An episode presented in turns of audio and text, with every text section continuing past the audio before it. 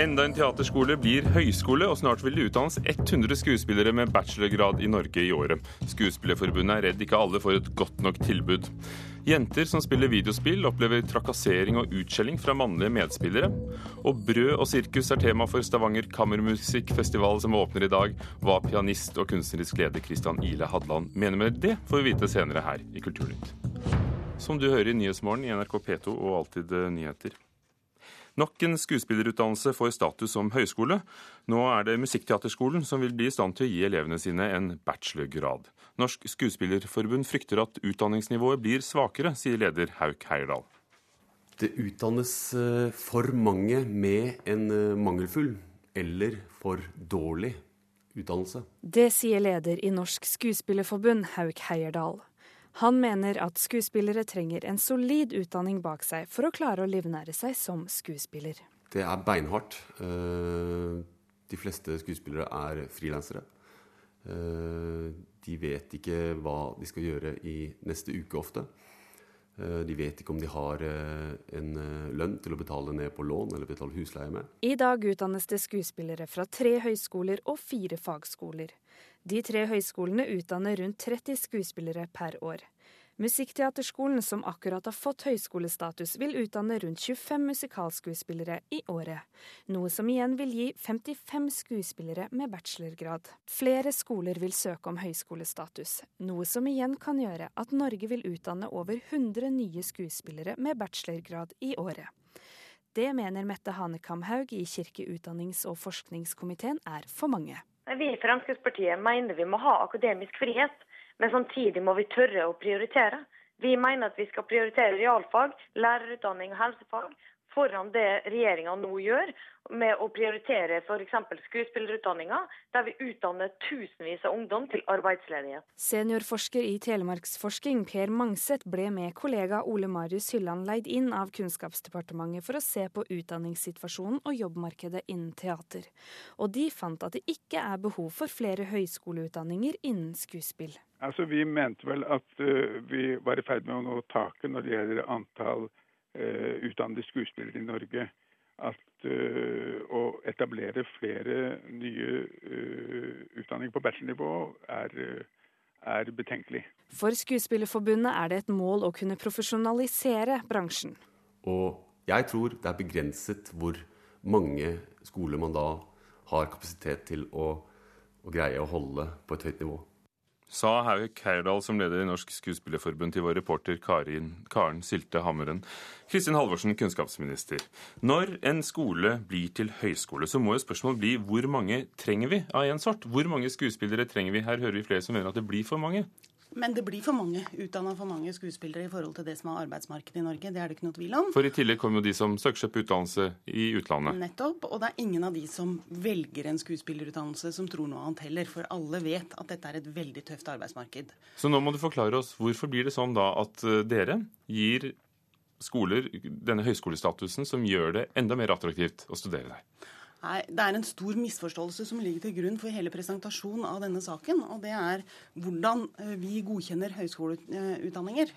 Fordi vi har et eget organ som heter NOKUT, som godkjenner utdanninger ut fra kvalitetskriterier. Eh, det betyr at denne høyskolen her, de har et tilbud som er godkjent kvalitetsmessig, men det er en høyskole som ikke får noe form for statlig støtte. Det betyr at de har en veldig høy studieavgift.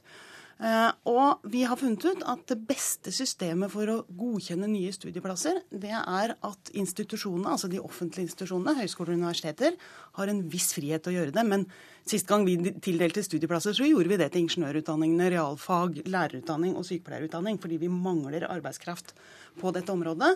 Men vi detaljstyrer heller ikke fra statens side dersom det finnes noen private som ønsker å starte et studietilbud av høy kvalitet. Mette Hanekamhaug fra Fremskrittspartiet, vi hørte deg så vidt i, i, i, saken. Dette systemet er jo noe dere begge er enig i, at det er sånn at eh, NOKUT eh, godkjenner høyskoler. Men blir det ikke et problem når, eh, når folk får et signal om at her er det en utdannelse på høyt nivå, og kanskje tror de vil få jobb, og de vil få i hvert fall studielån og stipend? Ja, De får retten til å søke om lån og stipend. Eh, og vi i Fremskrittspartiet mener jo at det er kjempeflott at man har veldig mange tilbydere, både offentlige, men også private, av ulike utdanninger. For vi er ikke av den oppfatning av at flere tilbydere gir dårligere kvalitet. Det er nettopp tvert imot. De gir et mangfold av utdanningstilbud til elevene, både statlige skoler og private skoler, som også vil høyne kvaliteten på utdanninga innenfor sektoren. Så det er vi i Fremskrittspartiet veldig positive til da dette ikke genererer noe automatisk støtte til denne skolen. Det vi mener er saken her, er når de eh, om et par år f.eks. får søke om å få statlig støtte. Og det er der kjernen ligger. Hva skal vi prioritere?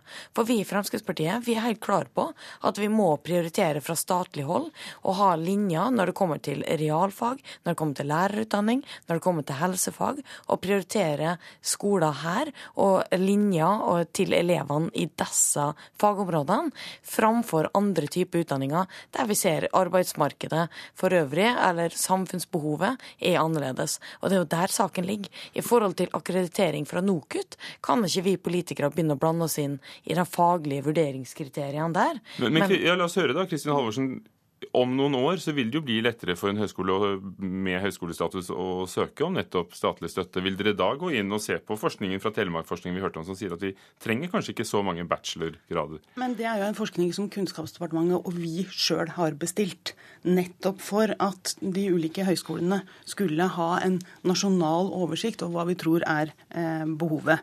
Dette er en ikke-debatt, fordi eh, jeg forstår Fremskrittspartiet nå sånn at de ikke ønsker å endre eller politisk overstyre det systemet vi har for å godkjenne kvalitet i utdanningene. Ja, Det er men, enige om, det har vi fastslått. Men, men, hun frykter at det kan jo bli sånn at det gis mer støtte? Det blir jo en helt tullete debatt. Det er klart Vi prioriterer offentlige midler ut fra hva som er samfunnets behov for arbeidskraft framover. Men samtidig så legger ikke vi opp til å nekte institusjoner som innfrir en viktige kvalitetskrav, og der ikke det er en eneste statlig krone med til å opprette et studietilbud. Men jeg har lyst til å, å si til de som nå sitter rundt med en skuespiller i magen, at, eh, og jeg er helt sikker på at de vet det sjøl òg, dette er et beintøft liv. Dette er kanskje det tøffeste arbeidsmarkedet eh, vi har. Eh, og det er veldig avgjørende at eh, de er klar over det før de begynner å ta opp studielån, sette seg i gjeld, betale dyre skole, skolepenger eh, for å realisere drømmen sin. Dette er, mm. dette er beintøft. Det er vel sånn at de fleste som begynner på en høyere utdannelse, vet at som ingeniør kan det bli lett å få jobb. Som skuespiller er det noe helt annet. Ja, men, ja, selvfølgelig. Men det Kristin Halvorsen her er inne på, som er kjernen i situasjonen òg, er hva samfunnet har behov for. Vi vet i dag at vi mangler 15 000-16 000 ingeniører. Vi har mangel på lærere framover på 18 000.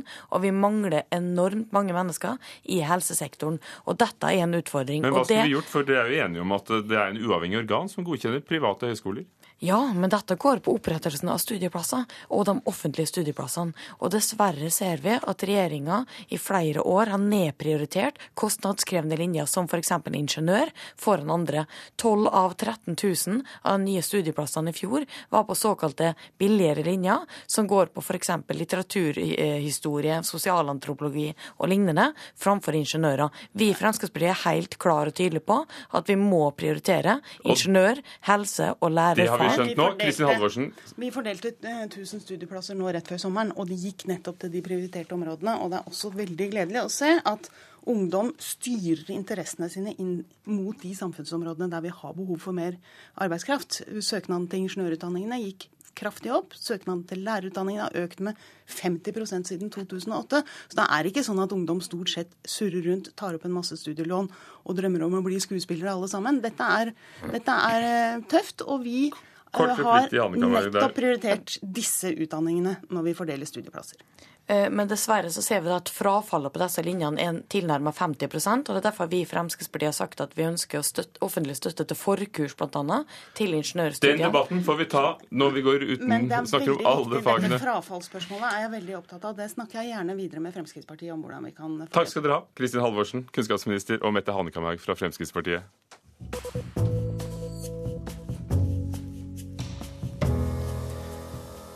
843 arkeologiske gjenstander som ble stjålet fra Afghanistan under borgerkrigen, ble søndag gitt tilbake til Nasjonalmuseet i Kabul. Rundt 70% av dette av museets gjenstander ble stjålet under borgerkrigen på 90-tallet.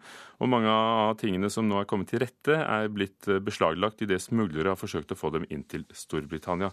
Rundt én av tre som spiller videospill, er jenter og kvinner, og når de spiller over internett, opplever de ofte utskjelling og seksuell trakassering. Spillkulturen er bygd opp av menn, og dermed også sjargongen, sier en forsker. Ja, det var én som gjemmer seg der, og så var det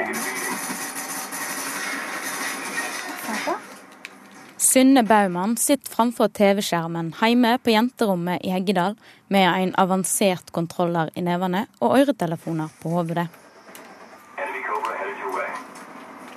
Hun styrer krigeren på TV-skjermen raskt over ei bru og bak en utbrent lastebil på en nedbomba militærbase i fjellet. Men gjør hun et feilsteg?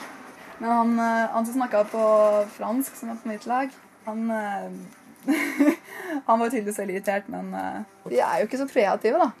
Det blir Altså, det er horse, let's prostitute, bitch.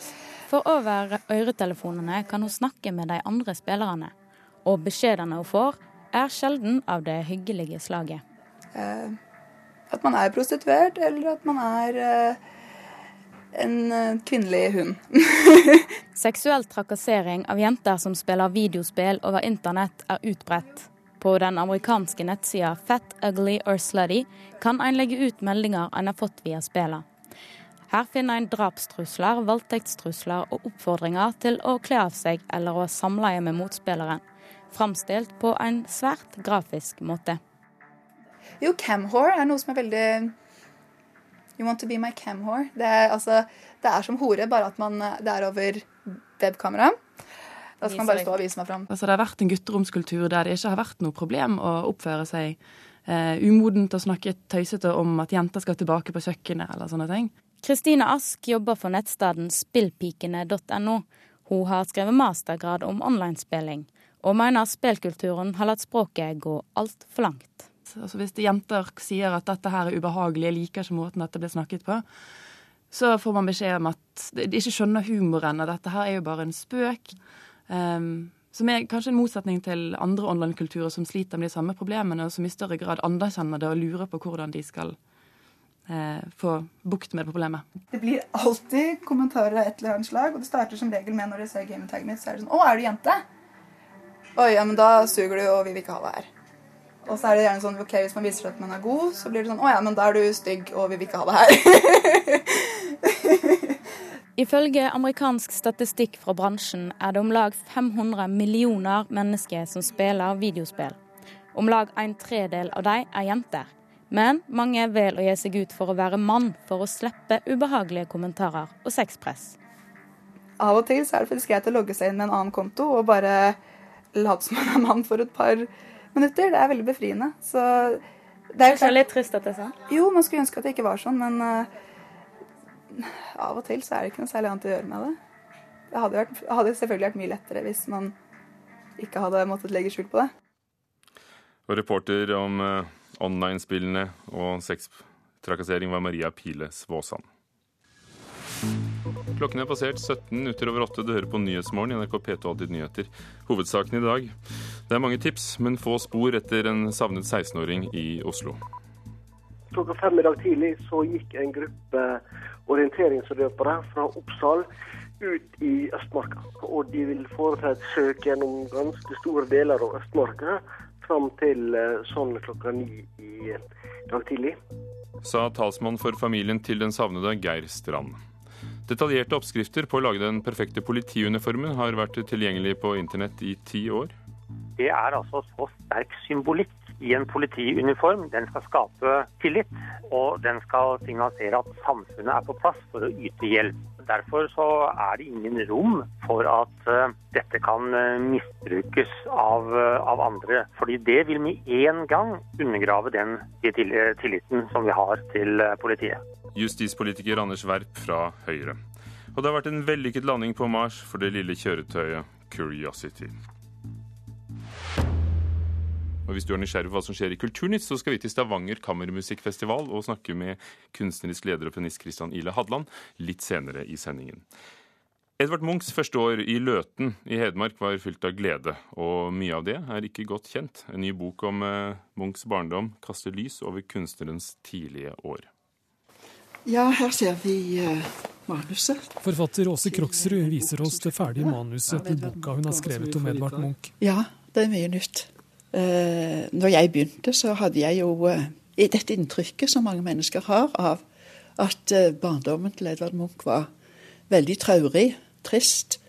Mye sykdom, død, problemer.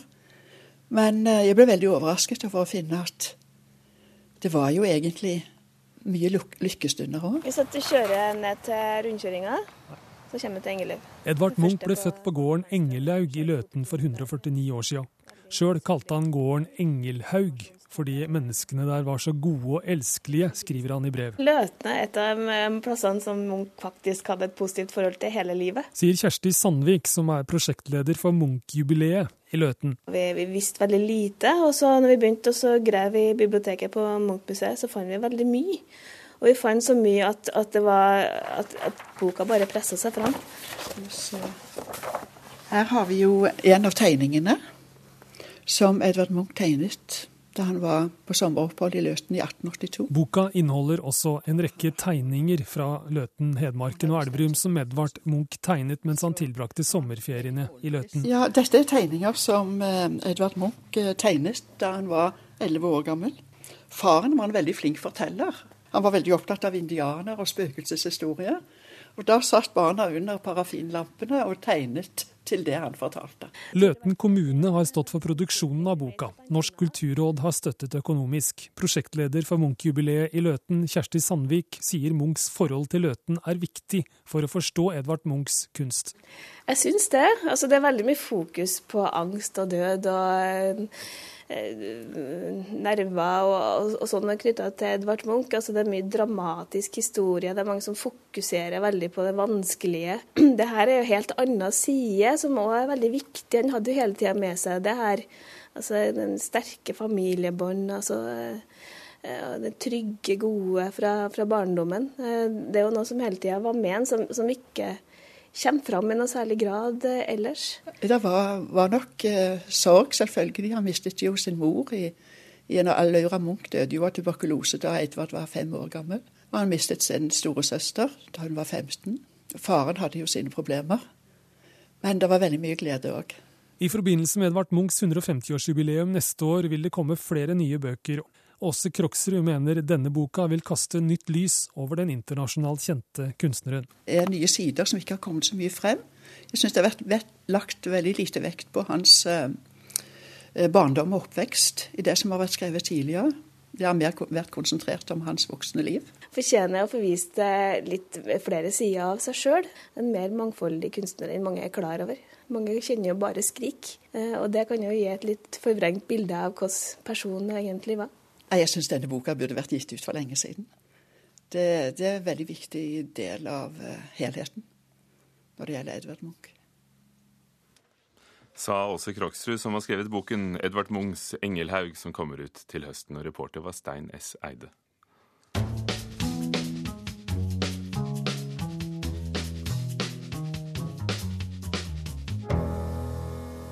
Den gresk-amerikanske forfatteren Jeffrey Eugenides fikk Pulitzer-prisen for romanen 'Middlesex' i 2004, og nå kommer fjorårsromanen 'The Marriage Plot' på norsk under tittelen 'Formål ekteskap'. Vår kritiker Leif Ekle har veldig mye godt å si om boken, men kanskje ikke om den norske tittelen. Men her er det han mener.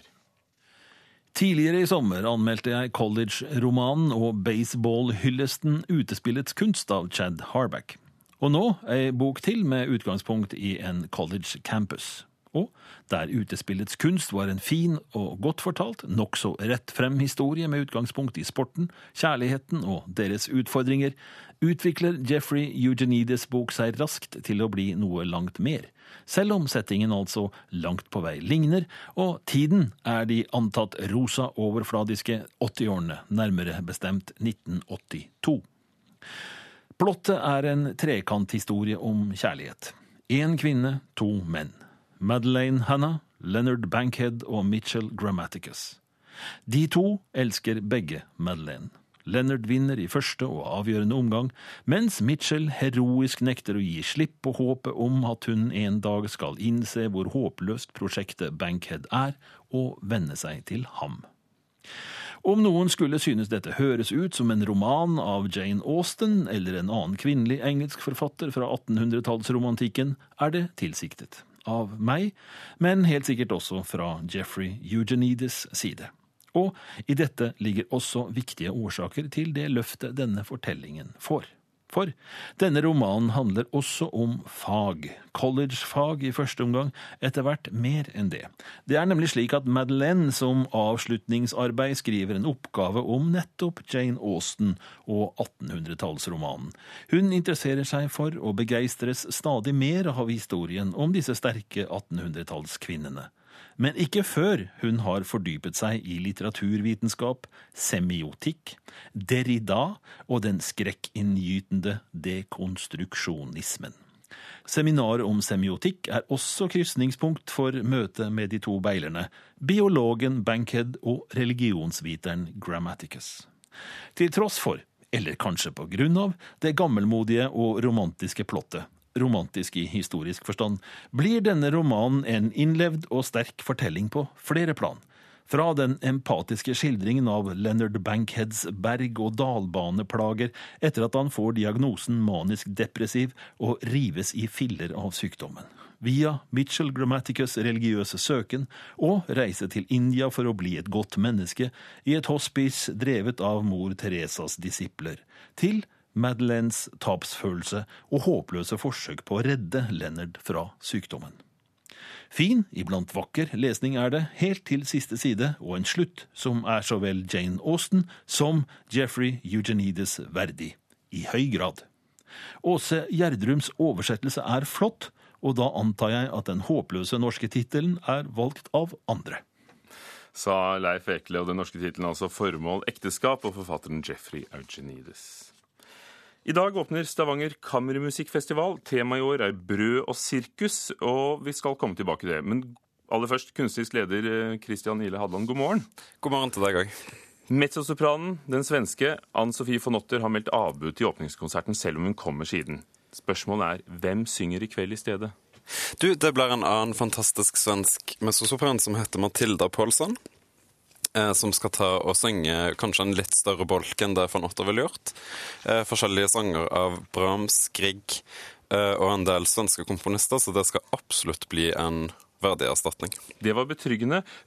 Kristian Nille Hadland, du er jo ikke bare kunstnerisk leder, du er jo også pianist, og du skal spille selv på åpningskonserten i Stavanger domkirke i kveld, sammen med den andre kunstneriske lederen, svenske klarinettisten Martin Frøst. Hvilken glede gir det deg som musiker å få lede en festival? Nå en veldig stor glede. Bortsett fra det som ikke er så gøy, er å gå tripp i hele dag og vente på at uh, åpningskonserten skal begynne. Når den er ferdig, og alle forhåpentligvis er glade og fornøyde bank i bordet, pleier det stort sett å gli veldig fint av gårde. Men den første dagen, altså i dag, er litt som julaften, i alle fall når en er barn gå og vente og vente og vente og se på klokken, og aldri har han noensinne gått så langsomt. Hvordan kom dere på du og Frøst tema, brød og sirkus? Nja, si det. Det har vel bare ramla ned i hodet på oss på et eller annet tidspunkt, og så bestemte vi oss for at dette var noe som vi kunne utvikle, men jeg vet ikke helt. Altså, for min egen del Hva legger, legger, du i det? Å ja, ja, det er mye. Altså, det som er tar litt opp i første omgang, det er jo dette synet på komponister eh, som, som, veldig mange har, at de satt i sitt ansikt sved i de sene nattetimer og lirte av seg det ene mesterverket etter det andre av pur inspirasjon og bare fordi de måtte. Det har selvfølgelig òg skjedd i veldig mange tilfeller, men hovedsakelig var jo komponister eh, i alle fall på 16-, 17- og litt ut på 1800-tallet, eh, leverandører i stor skala av bruksmusikk. Eh, musikk til eh, kirke, til andre høytideligheter, som skulle framføres én gang. Og så legges i en skuff eh, og sannsynligvis aldri spilles. Men altså, det er veldig mye av dette her som er rett og slett uh, musikk som er skrevet for det daglige brød, for å få en raske penger, uh, og til én bestemt anledning. Men hvordan får dere gjort noe med det, da? Vel, ved å finne veldig mye av denne musikken her, selvfølgelig. Den konserten på onsdag med Anne Sofie von Otter og Concerto Melante er jo egentlig det beste eksempelet på det, med musikk av Bach. Og uh, hans samtidige tyske kollega Georg Philipp Telemann, to av de aller mest, uh, to av de mest produktive komponistene gjennom tidene, der mesteparten av produksjonen er skrevet på bestilling, uh, på oppdrag av folk som ikke kunne få nok, og sannsynligvis ikke hørte eh, veldig godt etter når det ble spilt. Eh, Men ikke desto mindre så har jo mye av den musikken gått inn eh, og blitt udødelig. Heldigvis. Og det er jo selvfølgelig ingen sammenheng mellom det å skrive på bestilling og eventuelt måtte komponere veldig raskt.